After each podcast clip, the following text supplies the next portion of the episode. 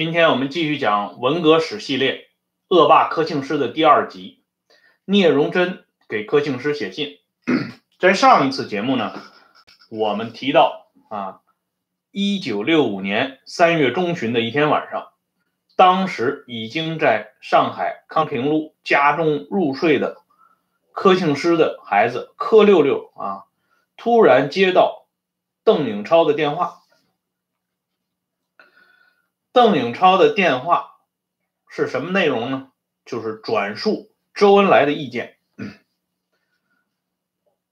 周恩来的意见是说，听说柯老要回上海工作，但是呢，考虑到柯老刚刚动了大手术啊，身体呢刚刚复原，不要急于回上海去主持工作。再休养一段时间为宜。邓颖超把意见转达之后啊，柯六六呢就马上啊通过长途电话同他远在广州的父母取得联系。柯六六又把邓颖超的话啊转给他的父亲柯庆施和母亲于文兰。据后来于文兰的回忆啊，柯庆施。听到柯六六转来的周恩来、邓颖超两口子的这些意见以后，非常感动啊。柯庆施就说了：“总理这个人啊，日日夜夜废寝忘食的为党工作，体贴入微的关心同志啊，唯独呢心里没有装到他自己。”根据呢，我们对邓颖超。啊，打电话这个电话记录的查询，周恩来、邓颖超两口子啊，给任何人打电话都有详细的电话记录，时间、地点、事情的原委啊，以及对方的态度啊，或者是回复，记录的非常详细。那么，邓颖超给柯六六打电话的具体时间呢，是一九六五年。三月十三号，为什么选这一天来打电话呢？因为这一天啊，周恩来当时正在主持召开一项重要的会议。周恩来约了二机部部长赵尔陆啊，还有杨成武以及各大区的经委、纪委负责人谈小山县的问题啊。就在周恩来谈小山县的这个问题的同时呢，周恩来叮嘱邓颖超一定要给上海方面打一个电话，打一个预防针儿啊，不要让柯庆施急于回上海去主持工作。那么，柯庆施啊，为什么要急于回上海？他要办什么事儿呢？而他要办的这个事儿，为什么啊？是在周恩来主持小山县工作的时候啊，让周恩来想起来的呢？这两者之间有什么联系呢？这些呢，我们都要从上一年的，就是一九六四年八月二十号这一天的一场小小的风波说起。在一九六四年八月二十号这一天，毛泽东的秘书。啊，就是当时担任中共中央政治局候补委员、国家纪委副主任的陈伯达，在与国家纪委研究室副主任杨波之间有一个谈话。杨波后来在八十年代曾经担任过轻工部的部长啊。陈伯达呢，同杨波啊在谈话中呢，对国家纪委的计划工作。提了四点意见，有一些话呢是泛泛而谈，但是他这个重点呢是第三点，就是关于一二线啊一二三线的关系。陈伯达特别指出啊，毛提出的建设第三线问题是一个伟大远见的战略性指示啊，这个三线建设必须要严格的按照毛的指示去做啊。第四条呢，陈伯达提出来啊，国家纪委现在存在着拖拖拉拉的这种工作作风，对毛啊于1957年和58年提出的许多重要指示，没有进一步认真的去研究它、执行它。这实际上呢是陈伯达对国家纪委全盘工作的指责。啊，陈伯达在这个同杨波谈完话以后呢，他把这个谈话记录整理了啊，在八月二十七号呢送达到毛泽东手中。毛对陈伯达的四点谈话相当重视啊，毛甚至呢。做了亲笔的修改啊，比如说陈伯达提到，过去我们在实际工作中对这一点注意不够。毛泽东看完以后呢，把注意不够改为没有注意啊，这就是说把问题上升到新的高度上来了。而且呢，毛很快对陈伯达报送的这个谈话记录做出重点的批示，主要是批给邓小平的啊。他说啊。伯达同志的建议是可行的，计划工作方法必须在今明两年内实行改变，如果不变，就只好取消现有纪委，另立机构。这实际上呢，就是毛对国家纪委工作的一个全盘否定。实际上呢，在毛做这个重点批示之前。的四天啊，就是八月二十三号，毛泽东亲自召见了陈伯达啊，听陈伯达向他详细的汇报了啊，陈伯达作为一个沙子啊，被毛泽东参到这个国家纪委里，他的所见所闻，毛呢对陈伯达的看法深表同意，两个人之间的谈话长达四个多小时。所以呢，二十七号呢，毛接到陈伯达报送的谈话记录以后呢，立刻作出批示。两天以后，就是一九六四年八月二十九号，毛泽东啊，在下午的一次啊同李富春、薄一波、陈伯达谈话过程当中，毛泽东同意成立一个决策拍板机构。这个机构呢，要。由毛亲自挂帅，参加人包括刘少奇、邓小平、周恩来、彭真，还有李富春、李先念、薄一波、谭震林、聂荣臻、罗瑞卿。同时呢，毛专门点名陈伯达也参加，这样呢就组成了一个十二人委员会。这个委员会具体搞什么呢？就是抓全国的经济工作，这也是毛一直主张的。在经济工作上要成立一个总司令部，而这个总司令呢由毛亲自担任。这个十二人的委员会呢，后来啊也是因为这个形势的急剧的逆转而没有最终搞起来。但是这件事儿它所昭示的意义是非同寻常的，因为这标志着毛啊。在重返一线，甚至把手已经伸到了啊！自从这个大跃进失败以后，他一直不敢伸向的经济工作领域里，实际上呢，他就等于全盘的接管了啊！刘少奇、邓小平、彭真以前一直抓的这个工作范畴。第二天，八月三十号，毛泽东啊，在这个会上。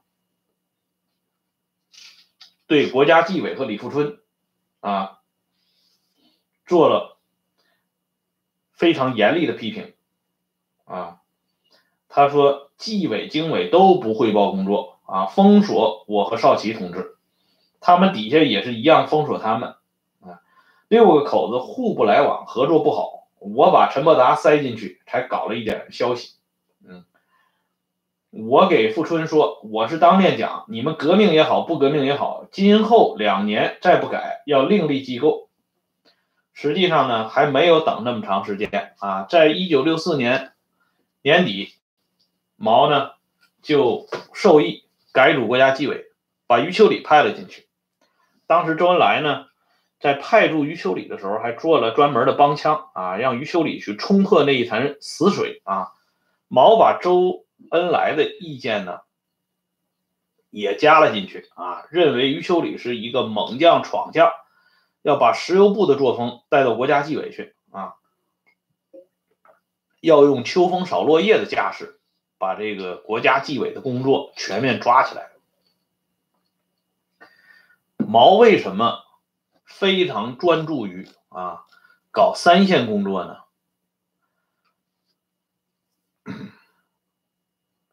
表面上看起来啊是备荒备战，是符合他一贯的这种要打仗的思维啊。这个官方史史料上呢，通常是把这个毛搞三线建设归结为毛提防啊苏联可能会发动突然的袭击啊。同时呢，也特别喜欢啊引用毛经常讲的明代那个元末。明初的著名的那个儒生朱生给朱元璋啊提的建议啊，高筑墙，广积粮，不称霸。当时朱生的建议是缓称王啊，毛给改成了不称霸啊。这些呢，实际上我们说它都是一种表面现象，实质上啊，毛从一九六四年二月底到三月初，主要布置的就是两件事一个是在。舆论上啊，彻底的与中国国内批臭赫鲁晓夫。名义上看呢，好像是中苏论战到了一个白热化的阶段，其实呢，他是把目标锁定在中国版的赫鲁晓夫身上。只有把苏联的赫鲁晓夫彻底批臭、搞臭，那么下一步。当他祭出啊中国版的赫鲁晓夫的时候，人们自然群起而攻之。这个实际上是毛为搞掉彭真、刘少奇做意识形态或者说舆论上的准备。那再一件事呢，就是三线。三线的目的绝不是什么备荒备战啊，防范疏修，根本在于。毛要彻底的重返一线，要把大权重新的抓到手里，啊，所以呢，这个所谓改组纪委啊，搞什么计划参谋部，搞什么小纪委啊，不厌其烦的提到建设三线，甚至自己提出要用稿费去搞这个盘钢，就是盘枝花的这个钢铁基地啊，这就是等于说。把这个政治的猪嘴啊拱进了刘少奇的菜地，瞄着刘少奇去的。周恩来呢，对毛的这个指示可以说贯彻的是亦步亦趋啊，不折不扣。而柯庆施呢，急于返回上海，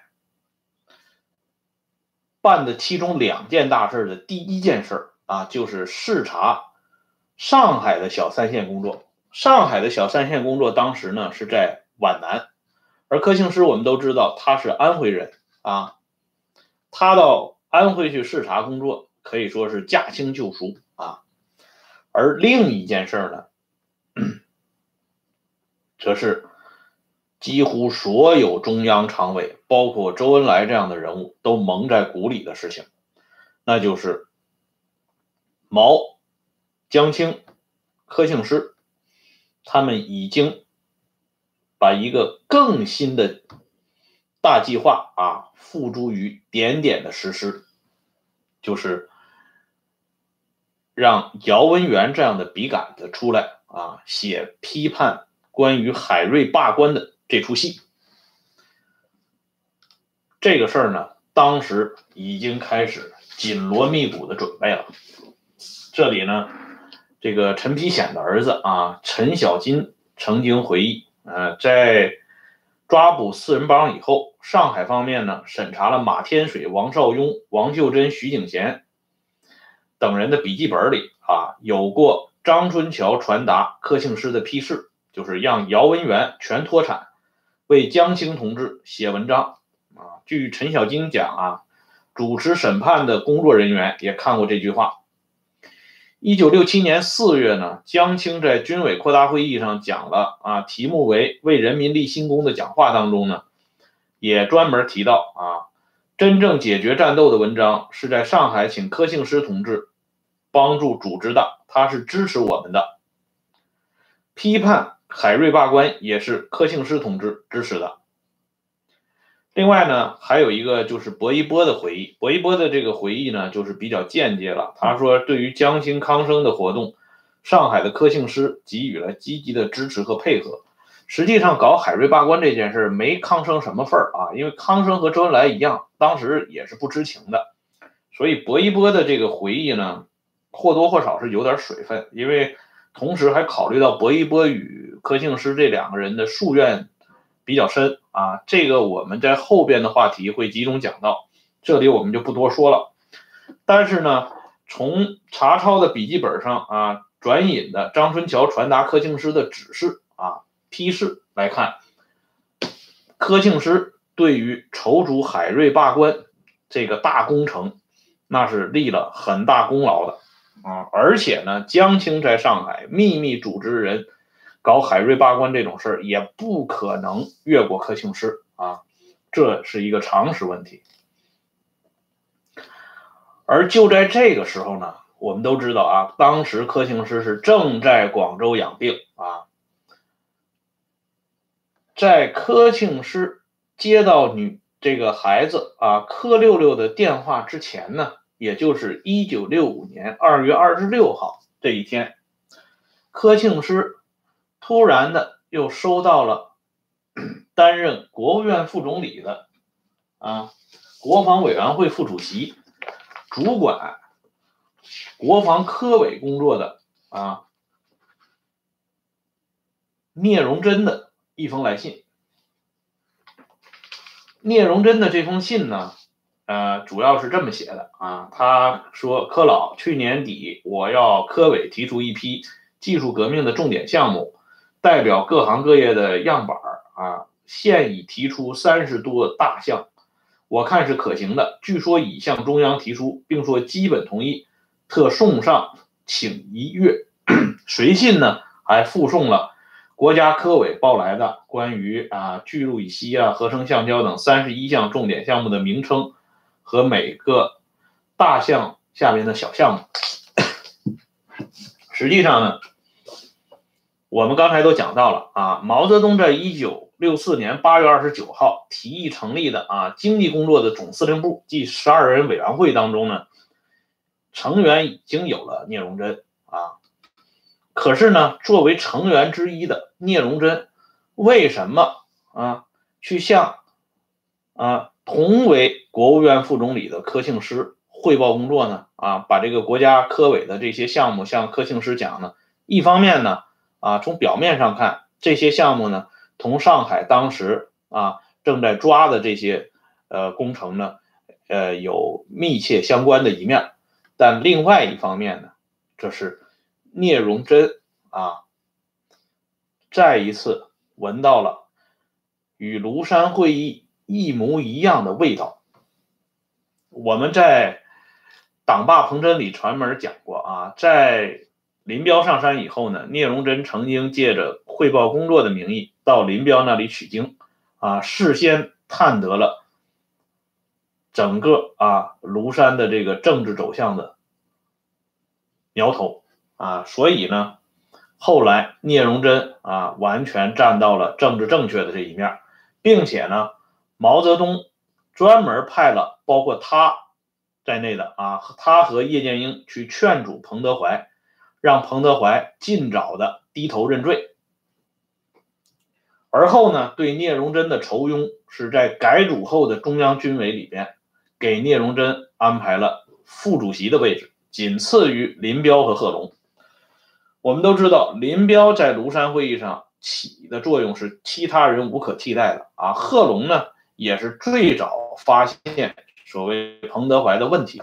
那么聂荣臻能够紧随这两个人之后啊，坐上军委副主席的第三把交椅，可见他的贡献，这个带引号的贡献也是很大的。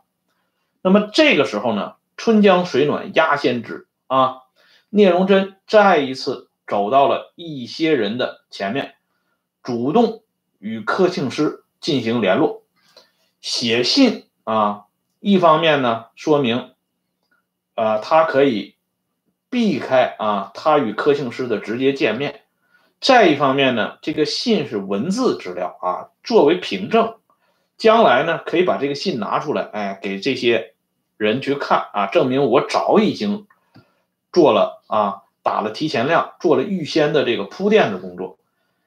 聂荣臻呢，啊，这个老于谋算的这个嘴脸呢，通过这两件事呢，我们就已经看的啊，可以说是一览无余啊。这里呢，我们来讲一下啊，聂荣臻其人啊，聂荣臻呢，同周恩来的关系是很好的啊。他与周在对柯庆施这件事上态度几乎是完全一致啊。历史上呢，一九三一年一月三十号，当时的中央军委啊成立，周恩来任中央军委书记，聂荣臻任军委参谋长，实际是充当周恩来的副手。到了三一年三月二十八号，因为张国焘被派去鄂豫皖担任中央分局书记和军分会主席，这样呢，原本的中央的三个常委向忠发、周恩来、张国焘啊走了一个以后呢，就剩了向忠发和周恩来了啊。这个时候呢，王明也由候补常委进入到常委会了啊。这时候呢，周恩来啊就提议重新组建常委会，周恩来当时。推荐了两个人进入常委会，一个是罗登贤，一个就是聂荣臻。这样呢，开会之后呢，决定成立新的常委会。这常委会有五个人组成：第一，向忠发；第二，罗登贤；第三，康生；第四，李竹生；第五，聂荣臻。而周恩来与王明呢，隐身其外啊，成为。常委会之上的太上皇，向忠发当时虽然名义上是总书记，实际上呢，他已经成为王明和周恩来的打工仔了啊。而周呢，可以说是他与王明双峰政治当中的最大的获利者啊。他没有完全的站在一把手的位置上，但是呢，这个常委会的组成人员，咱们可以看啊，罗登贤、康生。和聂荣臻都是周的人啊，可以说这个常委会完全是由周来操纵的。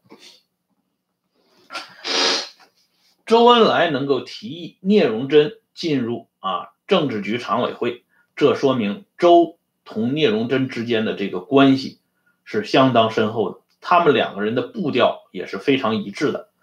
周恩来曾经说过这样一句话，他说在关键时刻啊，荣臻同志。是一定要跟着党走的。毛泽东呢，也重复过周恩来的这句话啊，所谓跟着党走，也就是跟着现任的老大走啊。这说明聂荣臻这个人是非常之听话啊，跟的是非常之紧的啊。因此呢，聂荣臻啊写信给柯庆施，丝毫不足为奇。这个时候呢。又发生了一件事啊，在聂荣臻啊给柯庆施写信的时候，又发生了一件夺夺的怪事啊！什么事儿呢？就是张瑞芳他们啊，在朝鲜啊，包括在延边朝鲜自治州啊，作为外景啊，拍了一部电影叫《李善子》啊，这个电影呢。在当时呢，可以说啊，属于这个中朝两国人民啊这种所谓友谊的见证，拍的是啊朝鲜的事情。可是这个电影呢，拍完以后呢，接到的呢都是一片骂声啊，所以呢，周恩来就约了这个导演郑君里和张瑞芳去西花厅。周恩来首先问郑君里啊说。江青同志看没看这个影片？他是怎么说的？啊，郑军礼就说江青当然看了啊。他说的，你不能再这样下去了，你再这样下去就完了啊！所以呢，这个时候呢，呃，周恩来呢就提出说：“你们啊，虽然给什么康老啊、江青啊、周扬啊、伯达呀、啊丕显呐、啊白羽啊等这些同志都看过，但是呢，你们漏掉了一个啊。”这个真正懂戏的同志，那就是柯老啊！你们现在就拿着片子到广州去啊，去给柯老看一看，让柯老给你们提一下意见啊。这样呢，郑军礼和张瑞芳就按照周恩来的指示啊，去到广州给柯庆施看片子，就是让柯庆施来审看。柯庆施呢？当时啊，据张瑞芳回忆说，柯庆施看他们两个人一进门，就对郑军礼劈头盖脸的说了这么一句话。他说：“这些年呢，你就听他们的啊，不听我们的。”啊，当时呢，张瑞芳呢可以说是一头雾水，因为他听不明白什么叫他们的、我们的啊。后来他明白了。这里柯庆施所指的他们啊，指的就是四条汉子啊，就是夏衍呐、周扬啊、田汉呢、杨汉生这些人啊，把持这个文文艺战线的这几个老大啊。而我们呢，当然就是柯庆施的智矿和代指江青啊。从这件小事上呢，也能看出来啊，周恩来居然让张瑞芳嗯拿着中国版的李善子。啊，这么一个非常普通的电影，去给柯庆施看啊，柯庆施呢，啊，不仅啊过问啊聂荣臻本应该过问的事情啊，同时呢还要插手到文艺界啊，起起着江青啊起的这种作用，文化旗手啊啊，那么这就引出了一个话题，就是说。柯庆施在即将发生的这场巨大的政治风暴当中，他是一个什么样的地位呢？啊，应该说，通过这两件事，已经能够啊隐隐约约的啊描绘出一个基本的轮廓，那就是说，毛最初的设想由柯庆施来取代彭真。主持中央书记处日常工作，就是所谓中央书记处常务书记，这个已经是毋庸置疑的啊。本来呢，这个十二人委员会的成员当中，实际上是应该是十十三人委员会，就是应该有柯庆施的位置，但是因为一九六四年年初啊，柯庆施就已经检查出恶性疾病了啊，去开刀，去动手术。所以呢，没有办法把柯庆施拉进来。但是呢，到了一九六五年三月份的时候，柯庆施的身体已经基本复原啊，他急于回上海工作，实际上也是急于要完成毛泽东、江青交给他的特殊任务啊，急于在下一场的啊这种政治大风暴中亮相。嗯，柯庆施死了以后呢？毛泽东不得不啊，把陶铸选派出来啊，排到仅次于啊毛泽东、林彪、周恩来后边啊第四号人物。陶铸被打倒以后呢，陶铸的这一摊工作呢，才交由啊陈伯达名义上来代理。在陈伯达被打倒以后啊，中央在庐山呃会议上宣布陈伯达被干掉以后呢。重新恢复了啊，就是中央文革的后身，即中央组织宣传组，才由康生来出任啊组长，啊，就是说，康生是在啊柯庆施、陶铸、陈伯达之后的啊，他并不是说啊像人们啊看到的现在的这些啊。党史教科书当中所描述的，他一开始就参与了这个密室的这个谋划。康生当时不具备这个地位，虽然康生不是跑龙套的，但也绝不是核心级人物。柯庆施才是。我们说柯庆施是文革的第四号备胎啊，绝非空穴来风。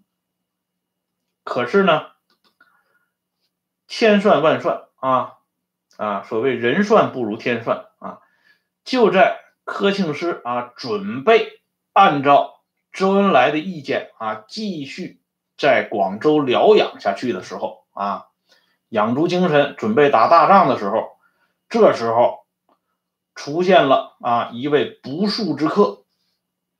这不速之客是谁呢？我们在下一次节目当中啊，将向大家进行详细的披露。今天的节目呢，就暂时说到这里，谢谢大家收看、订阅《温相说党史》，再见。